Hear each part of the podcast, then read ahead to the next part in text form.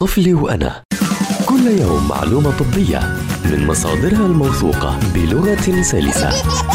طفلي وأنا عبر أجيال مع أخصائية الأطفال وحديثي الولادة سما برغوثي.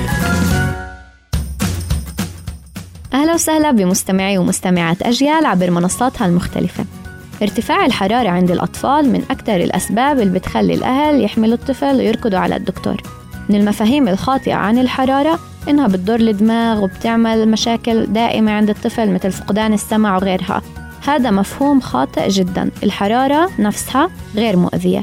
الحرارة هي أسلوب بدافع فيه الجسم عن نفسه ضد مؤثر خارجي. بأغلب الحالات بيكون التهاب فيروسي. فالمهم بالحرارة نعرف شو سببها. إذا عرفنا السبب وتعاملنا معه ما بيأثر ارتفاع الحرارة ومش لازم يخوفنا. لكن في حالات وجود التهاب بكتيري بيكون فيها أعلى من غيرها ولازم نروح على الدكتور إذا ارتفعت الحرارة حتى نطمن من عدم وجود هذا الالتهاب أو نعالجه في حال وجوده.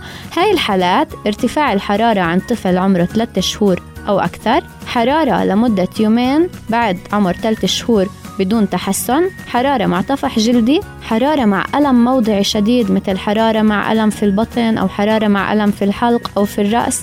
وحرارة عند طفل حالته الصحية العامة غير جيدة ومش بوضعه الطبيعي.